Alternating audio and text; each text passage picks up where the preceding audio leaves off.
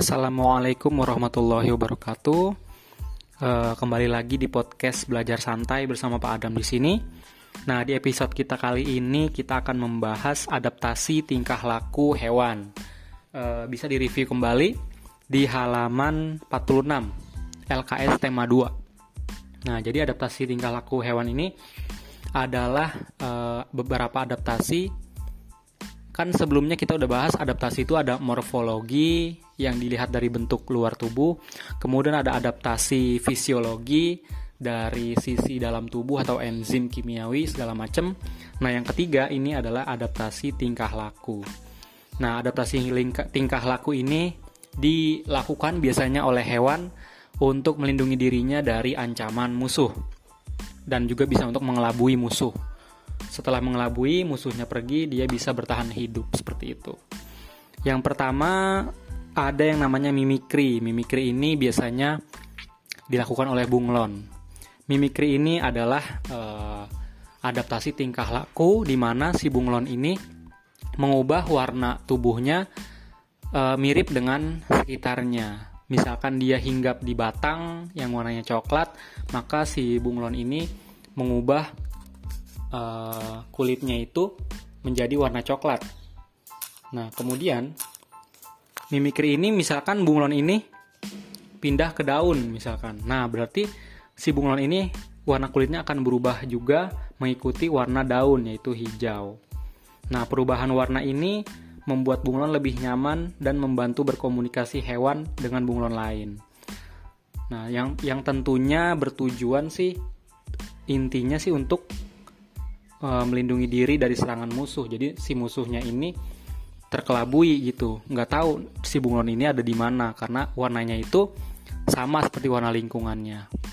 Kemudian yang ketiga itu, yang kedua maafnya, maaf ya, yang kedua maksud saya uh, autotomi. Nah autotomi ini biasa kita lihat uh, di rumah apabila cicak ya seekor cicak terancam uh, dia pasti akan memutuskan ekornya.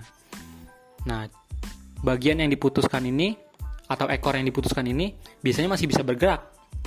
Itu tujuannya itu untuk uh, mengalihkan perhatian si musuh atau mangsanya.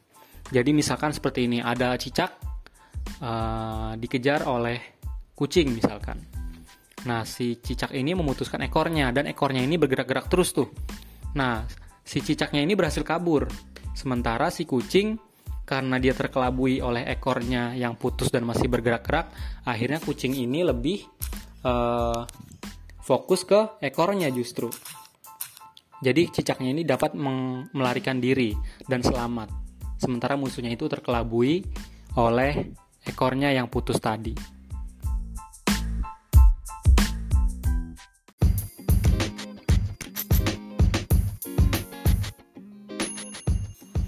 Nah, kemudian yang selanjutnya adalah kamuflase, yaitu kegiatan adaptasi, eh, adaptasi tingkah laku hewan yang dilakukan oleh hewan dengan berada di tempat yang memiliki warna yang sama dengan warna tubuhnya.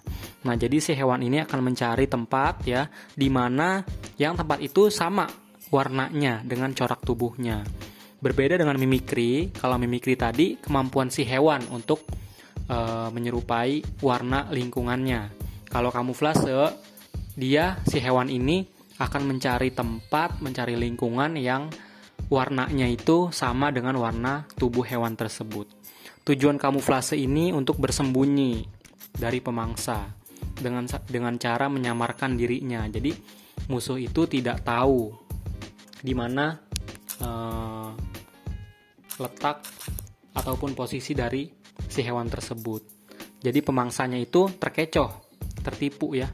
Ada banyak spesies hewan dengan kemampuan uh, kamuflase, kamuflase ini.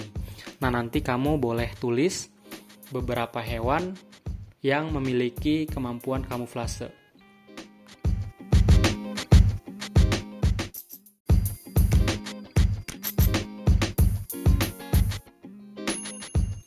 Nah, setelah kamuflase ini ada yang namanya ekolokasi. Ekolokasi ini dilakukan oleh hewan kelelawar menggunakan uh, sonar ultrasonik yang dia miliki. Nah, ekolokasi ini digunakan kelelawar untuk navigasi atau uh, ya menentukan lokasi agar tidak menabrak segala macam.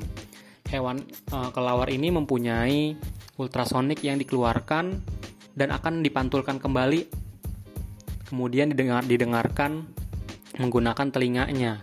Jadi karena emang penglihatan kelelawar ini kurang uh, bagus, akhirnya si kelelawar ini menggunakan ekolokasi sebagai navigasi dia untuk bergerak juga dan diterimanya itu melalui telinga, melalui indera pendengaran karena indera penglihatannya kurang bagus.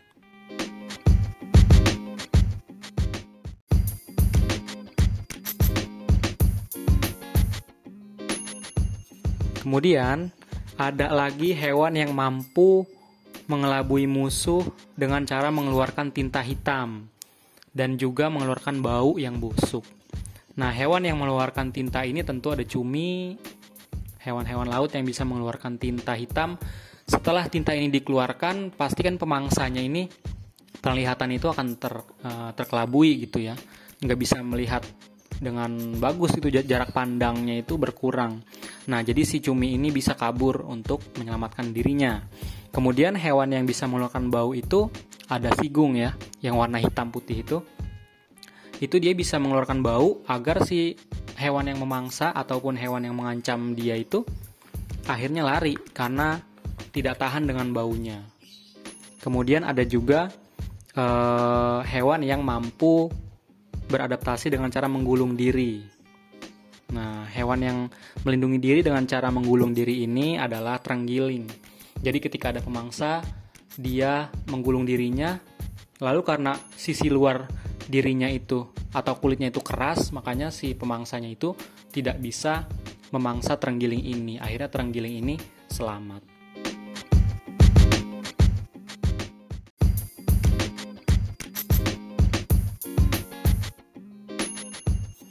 Kemudian untuk adaptasi yang terakhir adalah hewan yang menggunakan durinya ataupun bagian-bagian tubuhnya yang lain yang tajam.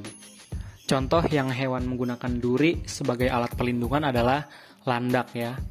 Landak ini jika terancam maka duri-durinya akan uh, tegak untuk melindungi dirinya dari hewan pemangsanya. Kemudian selain landak ada juga bulu babi yang ada di lautan, ada di laut Nah, bulu babi ini juga bisa melepaskan duri-durinya ini apabila dalam posisi terancam. Kemudian ada juga beberapa ikan yang dapat menggunakan sirip ataupun patilnya untuk melindungi dirinya. Contohnya adalah ikan lele. Ikan lele ini memiliki uh, patil ya sebutannya untuk melindungi dirinya apabila terancam. Nah, patilnya ini tajam dan keras sehingga bisa melindungi si lele tersebut.